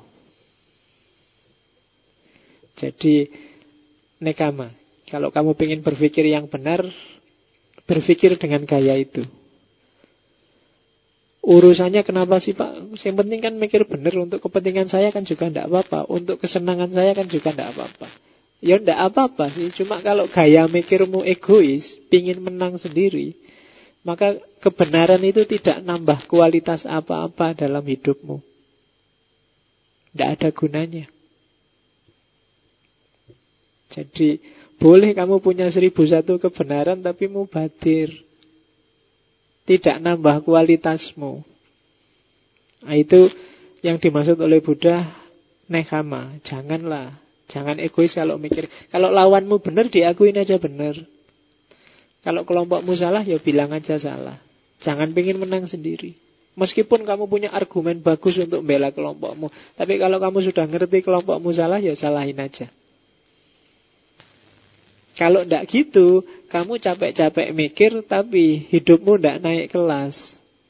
Kamu masih terjebak di roda karma yang sama, di samsara yang sama. Maka pikiran harus benar. Terus yang kedua, itu tadi kan tidak. Yang kedua, yang iya apa? Yang abya pada. Jadi berpikirlah dengan fondasi cinta kasih, iktikat baik, lemah lembut. Mikir tidak karena benci, tidak karena iktikat jahat, atau karena kemarahan ingin balas dendam. Habis dibantah temannya, eh, kurang ajar tak cariin dalil, aku punya buku banyak, besok kita debat lagi. Aneh gitu, tidak nambah apa-apa.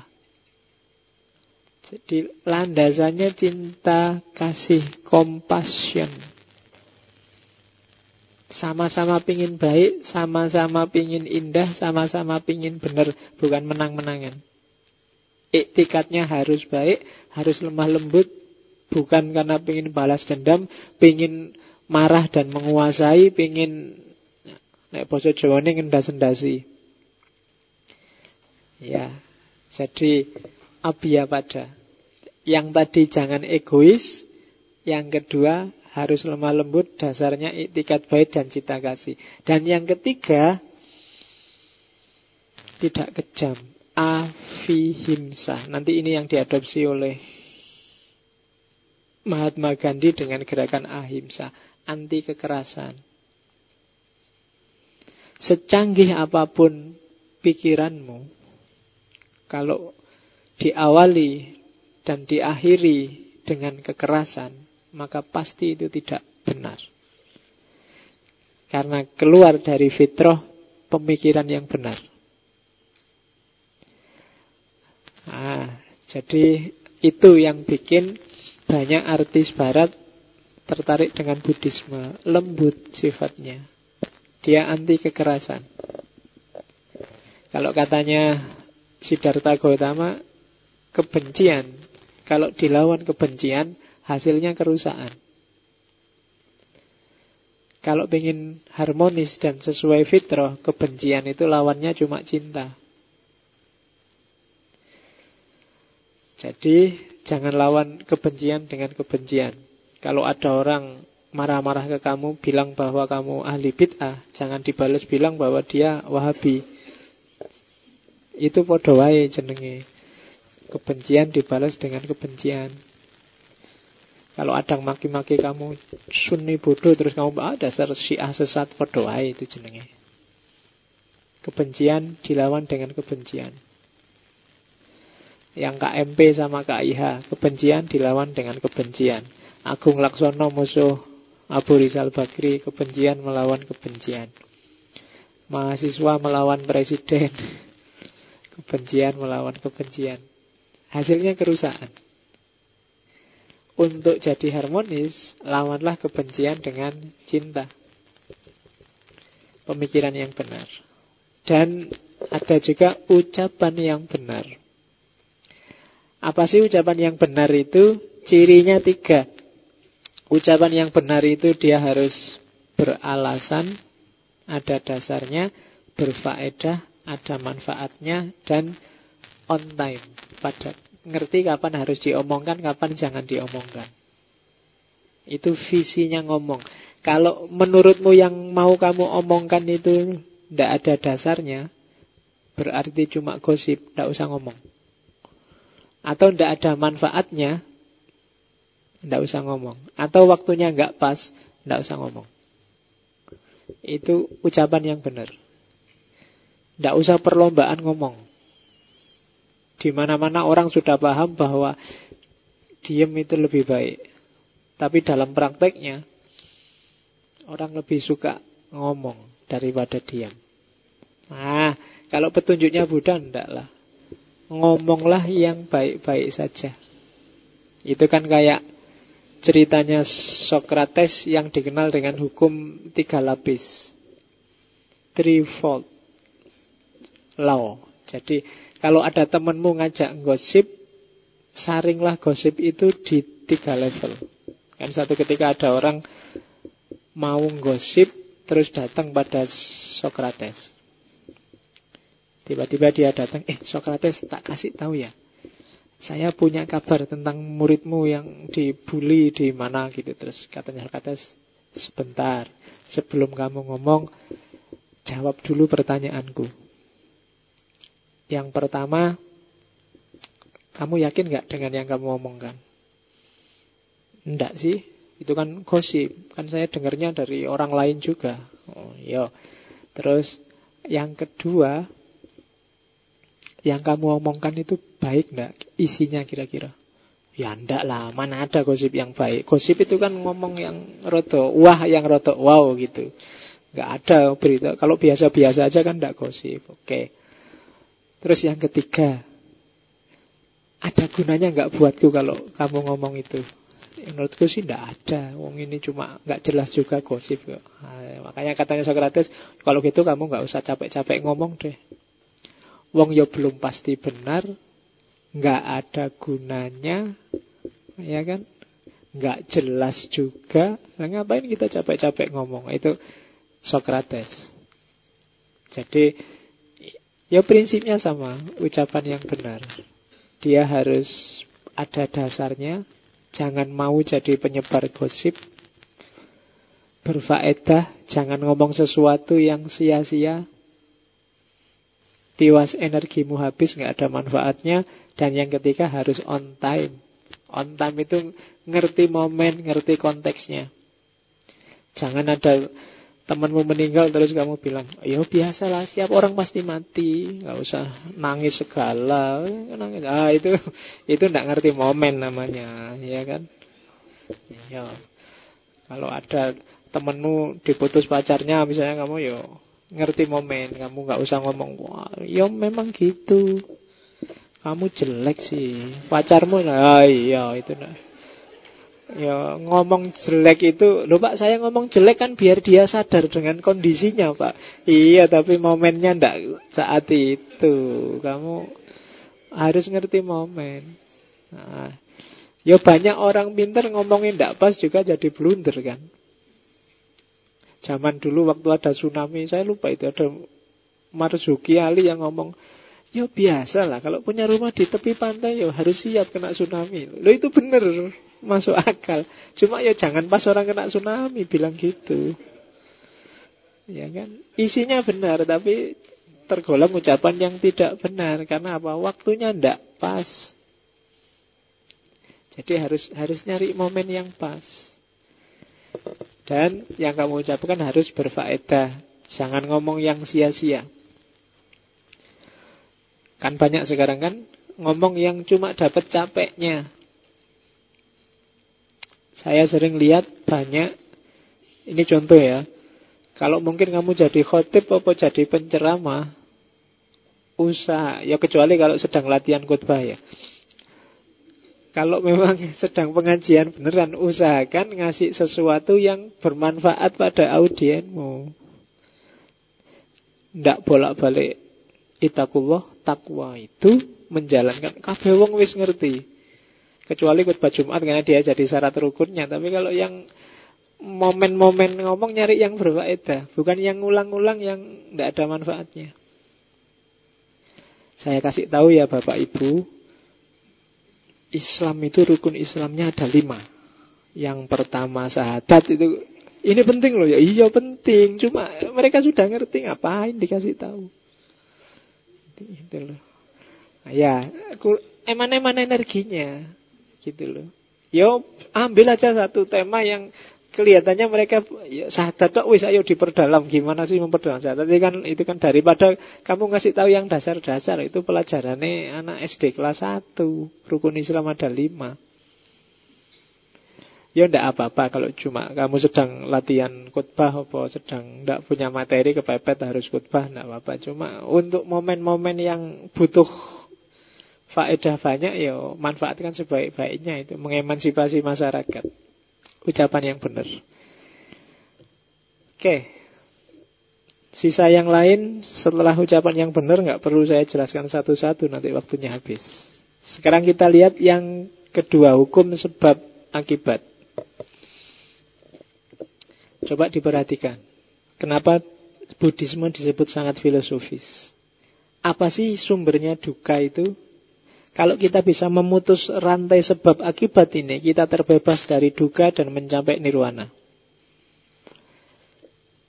Yang pertama, sumber kita galau, sumber kita duka adalah kebodohan. Maka nyari ilmu itu wajib. Bodoh. Kalau kita bodoh, kenapa sih kalau kita bodoh? Orang bodoh kan nggak ada hukumnya, Pak. Masalahnya kalau kita bodoh, yang kita lakukan itu bentuknya keliru mesti dan akan ada karmanya. Bodoh itu kan berarti dia tidak punya wawasan sehingga yang diomongkan, yang dilakukan keliru. Ketika itu keliru maka akan balik. Ada karmanya.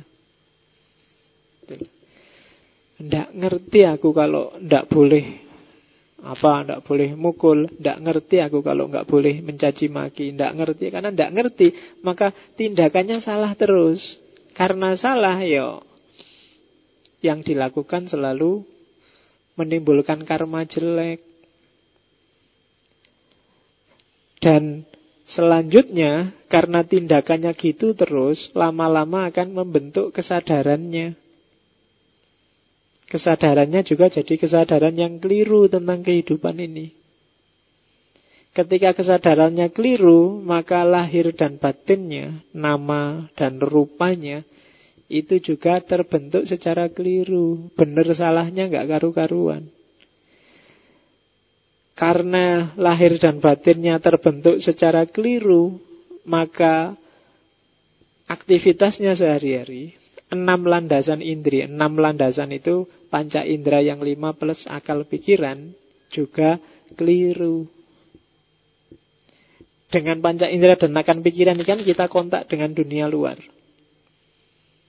Dasarnya sudah salah. Ketika kita kontak, kita kontak dengan dunia luar akan melahirkan sensasi, perasaan. Dari sensasi biasanya lahir nafsu, dari nafsu biasanya lahir keterikatan, dan semuanya keliru karena basisnya sudah keliru. Dan keliru terus akhirnya apa ya? Kita punya utang sudah. Hidup kita tergantung ke mana-mana. Hidup kita tidak bebas. Hidup kita terikat oleh banyak hal. Akhirnya ya penjelmaan. Kita tidak bisa tuntas. Kita lahir kembali terus menerus. Makanya itu ada kelahiran. Kalau itu ada kelahiran, berarti ada sakit, ada tua, ada mati. Dan muter terus. Itu yang disebut patikas samubada. Mata rantai sebab akibat. Ringkesnya ya, kalau kamu bodoh, yang kamu lakukan jelek, mesti keliru. Dirimu juga terbentuk secara jelek, secara keliru. Aktivitasmu juga keliru terus. Keliru berarti apa? Kamu kehilangan hakikat hidup. Ketika itu keliru, ya kamu akan lahir kembali terus, lahir kembali terus. Saya tidak tahu dulu kamu kehidupanmu sebelumnya apa. Cuma kamu dapat kesempatan, dapat momen untuk ngerti bahwa Jangan-jangan dulu aku juga sempat hidup, itu sudah luar biasa. Kalau di, di Buddhisme, tidak setiap orang loh punya kesempatan untuk ngincipi, oh iya ya, ada delapan jalan. Oh iya ya, ada empat hakikat hidup. Ada karmanya masing-masing. Kok kamu bisa ngaji filsafat hari ini dan ketemu Buddhisme? Bagi Buddhisme itu juga karma dari perbuatanmu sebelumnya. Kok pas malam ini waktunya Buddhisme kamu tidak masuk? Itu juga pasti ada karma dari perbuatan sebelumnya. Apa pun yang kamu alami, yang kamu rasakan hari ini itu akibat dari perbuatanmu sendiri. Entah di hidup ini atau di hidup sebelumnya. Patikas samupada. Ada mata rantai sebab akibat yang harus kamu tanggung.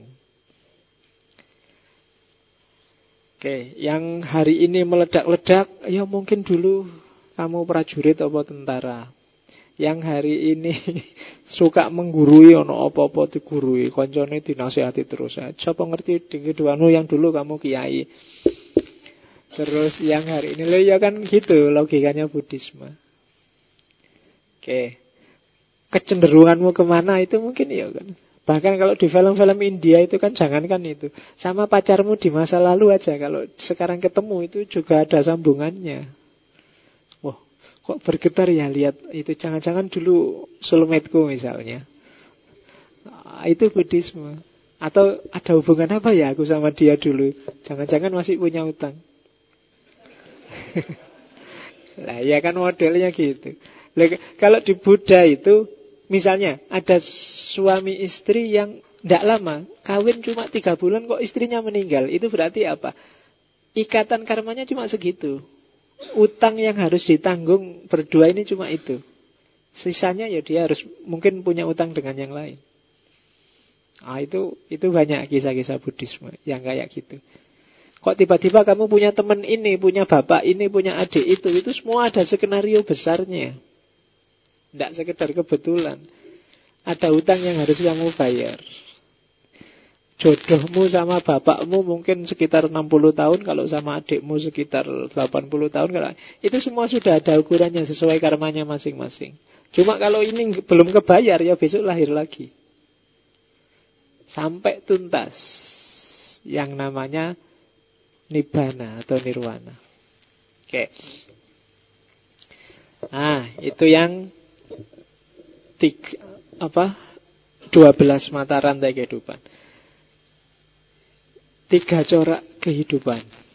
Ini ajaran selanjutnya tadi kan. Yang pertama anitya atau anika, yang kedua duka, yang ketiga anata. Kita mulai masuk fase-fase teori yang agak rumit. Jadi hidup ini punya tiga ciri. Ciri yang pertama adalah sementara. Ciri yang kedua adalah samsara, penderitaan. Dan ciri yang ketiga adalah tidak ada inti, tidak ada hakikat. Ini yang khas bedanya Hinduisme sama Buddhisme. Kalau di Hinduisme kemarin masih ada Atman, masih ada Brahman. Buddhisme tidak ngakuin itu. Kita lihat kenapa begitu. Cuma hidup kita katanya Hindu, yang pertama katanya Buddha, tidak kekal, sementara, menderita, dan tidak ada hakikat. Kita sendiri yang membentuk. Itu nama lain dari anata. Nggak ada kok aslinya manusia itu baik apa jelek ya. Ya tergantung kamu. Kalau kamu melakukan perbuatan jelek ya berarti jelek. Kalau kamu melakukan perbuatan baik ya berarti baik. Tapi kan jiwa kita asalnya dari Allah. Tidak ada itu. Itu cuma konsepmu. Katanya Buddha loh. Makanya nanti Buddha ini menginspirasi beberapa tokoh eksistensialis barat. Kierkegaard, Schopenhauer itu banyak dipengaruhi oleh Buddhisme. Termasuk Nietzsche. Jadi ada tiga karakter hidupmu itu kamu tidak kekal, kamu itu menderita, dan kamu itu tidak punya inti. Kamu sendiri yang menentukan nasibmu. Oke, dan ini nanti yang sangat berpengaruh di eksistensialismenya Heidegger. Bagi yang suka. Cuma kita sering tertipu yang pertama apa? Ketidakkekalan itu sering tersembunyi dalam kesinambungan. Biasanya di, diilustrasi di kitabnya Buddha itu pakai lilin. Lilin itu seolah-olah nyala yang tadi itu sama dengan nyala yang sekarang. Padahal itu mungkin api sekarang dengan api yang tadi itu sudah beda. Cuma karena kita lihat kesinambungan seolah-olah itu kekal terus menerus begitu. Jadi sering-sering kefanaan itu tersamarkan oleh kesinambungan. Kita menganggap yang ilusi itu nyata. Yang kedua, penderitaan itu sering tersamarkan oleh perubahan. Kadang-kadang kita sendiri yang merubah. Ya kan? Hidup itu kan tidak nyaman. Tapi kadang-kadang kita bikin seolah-olah nyaman. Lagi-lagi ilusi kita bikin mengalahkan yang hakiki. Begitu ngerti bahwa besok mati, terus kamu bilang, ala pak ngapain sih besok ya besok, ngapain dipikir sekarang. Itu menyamarkan yang hakiki, menyamarkan kebenaran. Hidup sekali pak, ngapain sih sumpek-sumpek, ayolah kita seneng-seneng. Ilusi, kita samarkan yang hakiki dalam ilusi-ilusi kita sendiri. Janjane kamu ngerti besok mati, tapi kan kamu Udah pak, jangan ini kan mati terus lah Bikin sumpah aja Mikir yang enak-enak aja kok Nah, kita samarkan sendiri Sehingga kita tipu diri kita sendiri Kita bikin ilusi untuk hidup kita sendiri Oke Yang ketiga Ya, tidak ada hakikat. Tidak ada yang inti. Semua adalah hasil perbuatan kita. Itu biasanya kita samarkan dengan konsep, kita samarkan dengan sosok, kita samarkan dengan ajaran, kita samarkan. Banyak sekali tipuan-tipuannya. Jadi, itu yang selanjutnya. Nah, terus katanya Buddha, ya pokoknya perhatikan ya, hidup ini manusia itu komposisinya lima. Rupa, kesadaran, penyerapan, pikiran, dan perasaan. Namanya panca kanda. Jasmani dan rohani. Titik. Tidak ada jiwa yang hakiki. Tidak ada Tuhan yang di dalam. Tidak ada. Tidak. Itu konsep-konsep bikinan kita sendiri. Hidup kita adalah tarian-tarian kombinasi itu tadi. Antara yang fisik dan yang batin. Yang batin itu kesadaran, penyerapan itu pemahaman, pikiran itu pengembangan dan perasaan. Itu aja. Dialektika itu aja hidup kita ini. Katanya Buddha. Sehingga kalau kita lupa dengan ini, kita kehilangan hakikat hidup. Konsep-konsep bahkan konsep Tuhan itu sering mereduksi hakikat ini. Kita sering lari ke Tuhan sehingga melupakan hakikat hidup kita sendiri. Makanya nanti ada konsep anata atau anatman. Jadi lawannya atman. Maksudnya apa? Atman itu tidak ada. Hakikatmu itu tidak ada. Hakikat itu apa sih? Hakikat itu ya apa yang kamu lakukan tiap hari? Kalau kamu tiap hari membohong, tiap hari berbohong, ya hakikatmu pembohong. Kalau kamu tiap hari curang, berarti ya jiwamu jiwa curang. Lah kalau di dalam dirimu ada Tuhan, apa ya kerasan Tuhan dalam dirimu yang curang itu? Tidak, katanya Tidak ada jiwa yang khusus yang beda dengan dirimu, tidak ada. Dalam diri kita ya dialektika itu tadi, pikiran, perasaan, penyerapan, dan seterusnya. Itu yang disebut anatman. Dan kepercayaan akan jiwa itu nanti yang jadi sering-sering jadi sumber keangkuhan, sumber egoisme.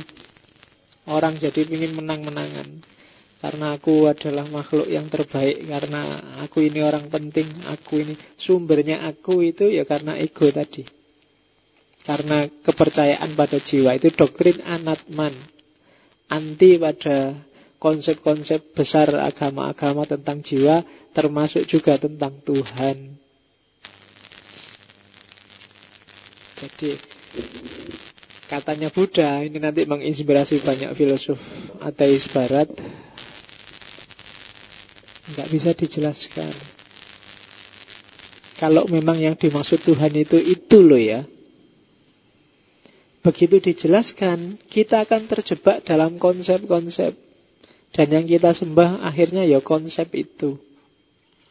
Maka teologinya Buddhisme kalau kamu sebut Tuhannya ada nggak? Nggak ada. Meskipun karena di Indonesia dipaksa harus ada Tuhannya, jadi di Indonesia terus di, disebut ada Tuhannya namanya Sang Hyang Adi Buddha gitu ya. Pinterin yang Tapi sebenarnya tidak. Teologinya Buddhis itu teologi yang negatif. Totally negatif. Negatif itu pokoknya Tuhan itu apa sih? Laisa kami sendiri sayun. Tidak bisa dijelaskan sudah. Gak usah diomong. Begitu kamu omong bulat dewi nanti. Karena kamu akan terjebak oleh konsep-konsep. Yang penting tempuh perjalananmu dan kamu akan sampai pada state yang disebut nibbana tadi, yang itu karakternya karakter ketuhanan. Ya meskipun ada sih orang-orang Buddhis tertentu yang beralasan sebenarnya di Indonesia juga tidak harus kok agama ada Tuhannya. Toh sila pertama tidak bilang Tuhan yang Maha Esa. Bilangnya ketuhanan yang Maha Esa. Ketuhanan itu kan bukan Tuhan tapi bersifat Tuhan, kata sifat. Dan kalau ketuhanan, Buddhisme sangat ketuhanan. Jadi sebenarnya meskipun dia dianggap ateis, non teis, yo ya masuk aja ke Indonesia, ndak apa-apa. Oke, jadi oh, kalau tak jelaskan dalam tentang Tuhan agak panjang, tapi intinya itu. Tuhan not as konsep atau as sosok. Kayak di Hindu kan ada sosoknya. Di kita kan Tuhan ada sosoknya seolah-olah dia beda. Tapi tidak. Tuhan jangan dijelaskan, jangan digambarkan. Bagi yang paham Ibnu Arabi akan lebih mudah memahami Tuhan yang dimaksud oleh Buddha. Cuma orang-orang ngawam mungkin agak berat memahami Tuhannya Buddha jadi dianggapnya Buddha itu terus nyembah patungnya Buddha kayak yang ada di Borobudur atau Prambanan itu. Oke. Ada istilah yang khas dari Buddha yang disebut ehipasiko. Filsafat ehipasiko itu wali aneh agama-agama. Semua agama bilang nyuruh orang percaya. Tapi ehipasiko adalah tidak nyuruh orang percaya tapi nyuruh orang buktikan dan alami sendiri. Jadi kalau semua agama bilang berimanlah, percayalah, benar-benar. Tapi kalau Buddha ndak, pasti itu datang dan lihatlah, alami sendiri. Semua yang tak omongkan di depan tadi, ndak usah kamu pikir benar salahnya. Sudahlah, kamu alami aja. Dan nggak usah kamu percaya nggak ya itu ya. Nggak usah kamu pikir. Katanya Buddha, datang dan lihatlah, datang dan alamilah. Bukan datang dan percayalah. Gak ada gunanya.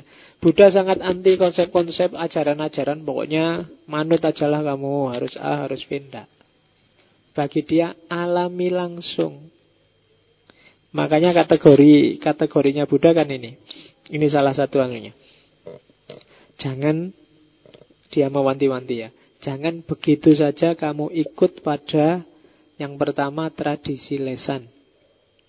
Jangan begitu saja ikut pada ajaran turun-temurun. Jangan begitu saja ikut kata orang. Atau ikut koleksi kitab suci. Atau percaya dengan nalar yang logis lewat kesimpulan. Atau alasan-alasan yang kamu bikin sendiri. Atau dan seterusnya. Yang kelihatannya meyakinkan. Atau cuma ikut guru. Yo karena dia kiaiku karena dia ustadku tidak usah. Pertimbangan pertama adalah coba cek apakah itu bermanfaat buatmu. Tidak tercela. Terus orang-orang bijaksana juga menerima. Dan jika dijalankan akan membawa kesejahteraan dan kebahagiaan. Kalau punya karakter itu baru kamu ikuti. Tapi kalau sekedar biasanya begitu, tradisi lesan, ajaran nenek moyang, kata orang begitu, kitab suci bilang begitu, logika maunya begitu, atau guruku ngomong itu, tidak usah diikuti. Ceklah apakah itu menggiringmu pada kesejahteraan dan kebahagiaan atau tidak. Kalau enggak, semua tadi hanya bikin kamu semakin jauh dari dirimu sendiri. Kamu nambah beban, nambah berat muatan roda samsaramu. Karena hidup ini hidupmu. Kamu yang merasakan, kamu yang tanggung jawab. Maka boleh cari referensi dari luar, tapi parameternya tidak boleh dari luar, harus dirimu sendiri. Nah itu namanya ehipasiko. Datang dan alami sendiri jangan jangan berjarak. Apalagi agama itu kan hidup kita esensial. Nah, itu pesannya Buddha. Karena selama ini kan kita selalu berjarak dengan agama. Seolah-olah kita lahir untuk agama atau kebalikannya. Agama lahir untuk kita. Nggak, esensi hidup kita itu harus dialami langsung oke ada beberapa ajaran, cuma saya tidak bisa ngomong detail, tak comot satu-satu ya, yang yang menurut saya agak unik yang dan khas dari beberapa ayat yang disampaikan Buddha. Cuma tak ambil dari website, tak cari yang ada gambarnya, sayangi bahasa Inggris. Oke, okay. there are two mystics. One can make along the road to truth, not going all the way and not starting. Kebenaran yang sudah kalian sadari tinggal dijalankan. Cuma para penempuh jalan ini biasanya melakukan dua kesalahan besar. Yang pertama, tidak mengerahkan seluruh daya upaya dan yang kedua, tidak mulai-mulai jalan. Itu problem besarmu. Mungkin problem besarku juga. Kamu tidak berani full mati-matian mengerahkan segala daya upaya untuk menghidupkan kebenaranmu sendiri. Kamu selalu jalan dengan gas setengah, tidak berani gaspol. Mungkin karena males, mungkin karena nyari enaknya saja, mungkin nyari santainya aja. Maka hasilnya juga tidak maksimal. Not going all the way. Kamu sendiri nggak mati-matian. Atau ada yang mikir terus, pertimbangan terus, gak mulai-mulai. Wah, ini sudah mau ujian, ini enaknya tahajud, Senin Kemis puasa. Ah, tapi besok ada oh no ya alasan gak mulai-mulai. Wis itu masalah akut itu kita. Ini pokoknya tak target ya, minggu ini bab tiga selesai wis. Gampang itu. Tapi begitu buka laptop ya kok langsung facebook.com.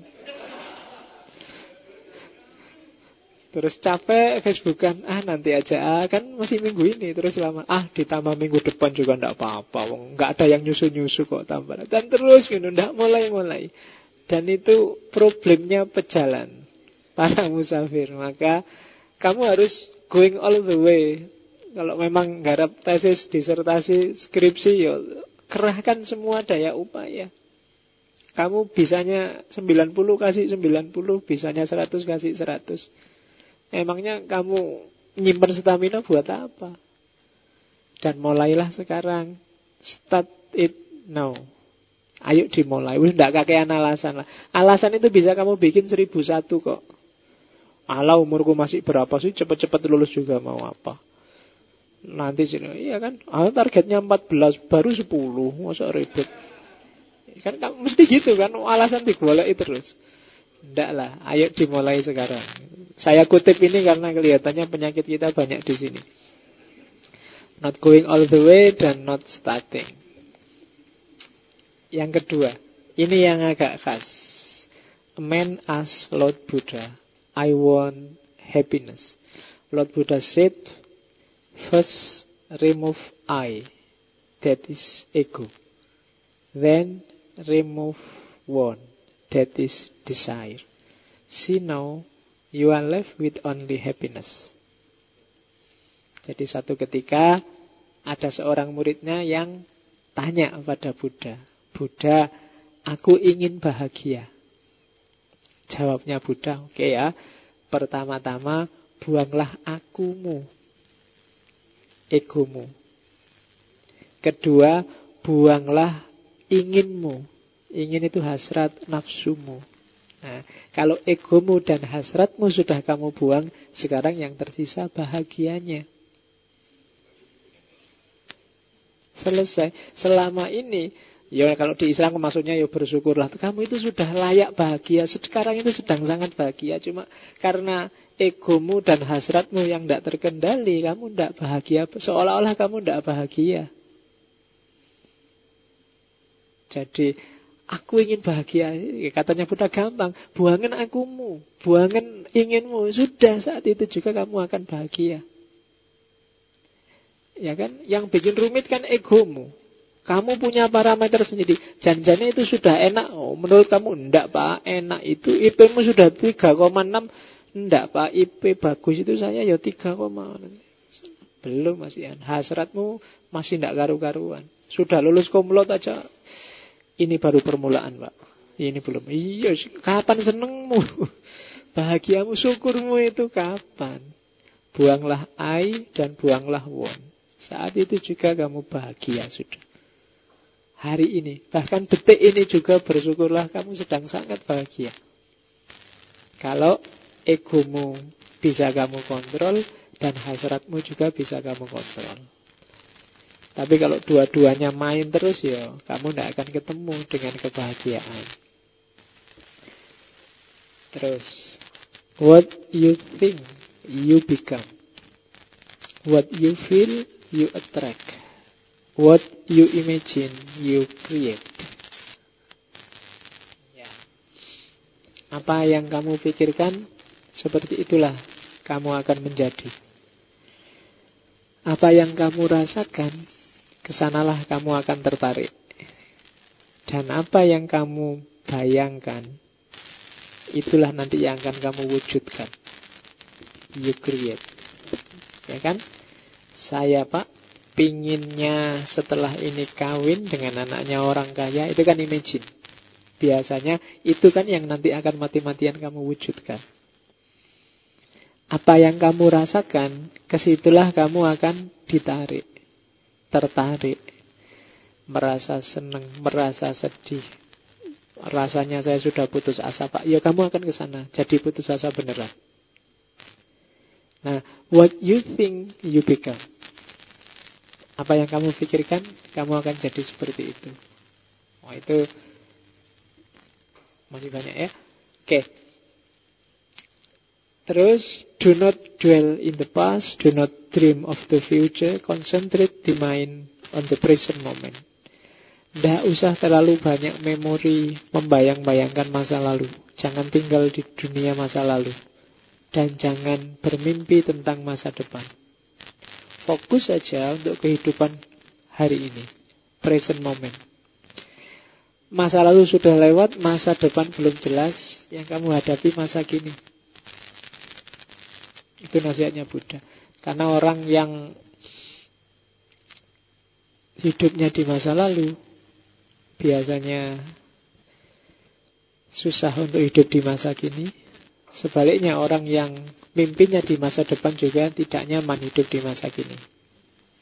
Jadi nikmatilah hidupmu. Itu kan kayak seorang muridnya Sufi yang satu ketika datang ke gurunya Terus sebenarnya gurunya ingin menyampaikan pesan ini sih Terus ayo silahkan kamu tidur aja Dikasih kamar tidur yang bawahnya banyak panahnya Atasnya juga ada tombak-tombak yang mau jatuh Tapi kamar tidurnya ini leks luar biasa Semalaman dia nggak bisa tidur. Kenapa? Mikir tombak yang mau jatuh sama yang di bawah tempat tidur. Jangan-jangan nanti nyubles aku atau ada yang jatuh satu, mati aku. Jadi seindah dan gurunya sebenarnya mau ngasih nasihat kayak Buddha ini. Coba kamu ndak usah mikir tombak-tombak yang ada di atas dan di bawah kasur. Nikmati aja kasur yang enak itu. Tidurmu akan pulas. Tapi kamu gelisah mikir Aduh, habis lulus jadi apa besok ya? Kira-kira aku bisa nggak ya dapat kerjaan enak? Bisa nggak dapat ini? Kamu gelisah dengan masa depanmu atau masa lalumu. Ah, enak zaman dulu. Piye yo, penak zamanku tau dulu. Ya kan stres dewe kamu kalau mikir. Yang kamu hadapi itu sekarang kok. Ah, enggak kayak SBY dulu, enggak kayak Soeharto dulu. Itu sudah lewat. Yang kamu hadapi Jokowi sekarang. Atau ah besok aja ganti presiden sik suwi. Jangan lagi dari realitas. Sekarang kamu hadapi Jokowi, setuju atau tidak setuju, silahkan direspon. Tidak usah ingin kembali ke masa lalu atau datang ke masa depan. Hidupmu hari ini. Oke.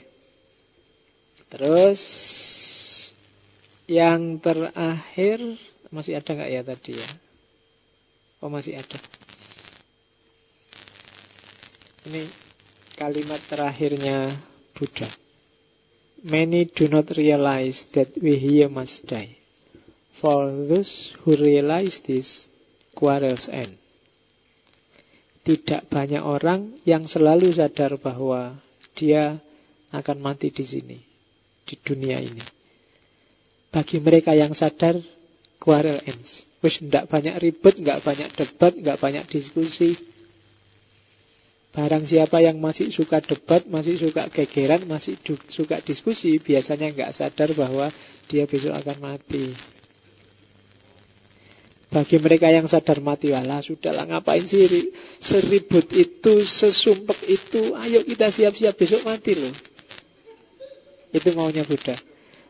Makanya katanya Nabi kan nasihat paling baik itu mati. Jadi kalau kamu kok disuruh ceramah tiba-tiba nggak punya materi, cerita aja tentang Bapak Ibu, mari kita ingat mati. Iya, itu dahsyat. Makanya katanya Buddha, for those who realize this, quarrels end. Bagi yang penasaran semua ajarannya Buddha tadi, kalian bisa nyari setiap poin, carilah ayatnya. Dan kalian akan ketemu. Mulai pikiran yang benar, ucapan yang benar, perilaku yang benar, semuanya bisa kalian cari ayatnya. Mungkin satu poin bisa lebih dari satu ayat. Itu antara lain yang dijadikan dasar oleh banyak peneliti bahwa siapa tahu Buddha itu nabi. Karena ajaran-ajarannya sangat nyambung dengan ayat-ayat Allah yang tidak kaunia. Meskipun mungkin dia tidak punya kitab suci khusus yang dikenalkan ke dunia Islam tapi ajaran-ajarannya sangat islami. Oke. Itu Buddhisme. Jadi paling tidak teman-teman yang ngaji filsafat malam ini punya gambaran kayak gitu loh gayanya Buddhisme. Minggu lalu punya gambaran kayak gitu loh Hinduisme. Minggu depan kita akan ngomong yang agak geser dikit Oh ternyata itu tuh visinya Syayana dengan Kama Sutranya. Tidak semata-mata ngajari 46 posisi. Iya. Karena kalau nggak percaya kamu nyari oh Google ya. Tulisan Kama Sutra. Itu mungkin ratusan entry awal itu isinya cuma gambar-gambar sama teknik.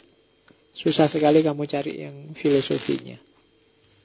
Karena orang biasanya lebih terpesona itunya. Padahal ada visi luar biasa. Dan itu nanti yang di Jawa antara lain berkembang dengan filsafat tantrisme. Dan coba kalian lihat di setiap candi pasti ada adegan itu. Karena itu menunjukkan bahwa itu sebenarnya sangat sakral. Ada ada teori dan ada latar belakang filosofinya itu. Insya Allah minggu depan. Oke, saya Rizkian. Kalau ada pertanyaan, terasa ya kalau Buddha agak agak adem. Beda sama waktu kemarin ngomong filsafat barat hermeneutik itu kan agak meledak-ledak hawanya karena yang. Kalau ini agak yin. Nah, minggu depan ini yang Kama Sutra kita ambil yinnya ya, jangan yangnya. Kalau diambil yangnya, kamu kacau nanti. Oke, saya akhiri sekian. Wallahul muwafiq, wallahu a'lam bisawab, wal afu minkum, wassalamualaikum warahmatullahi wabarakatuh.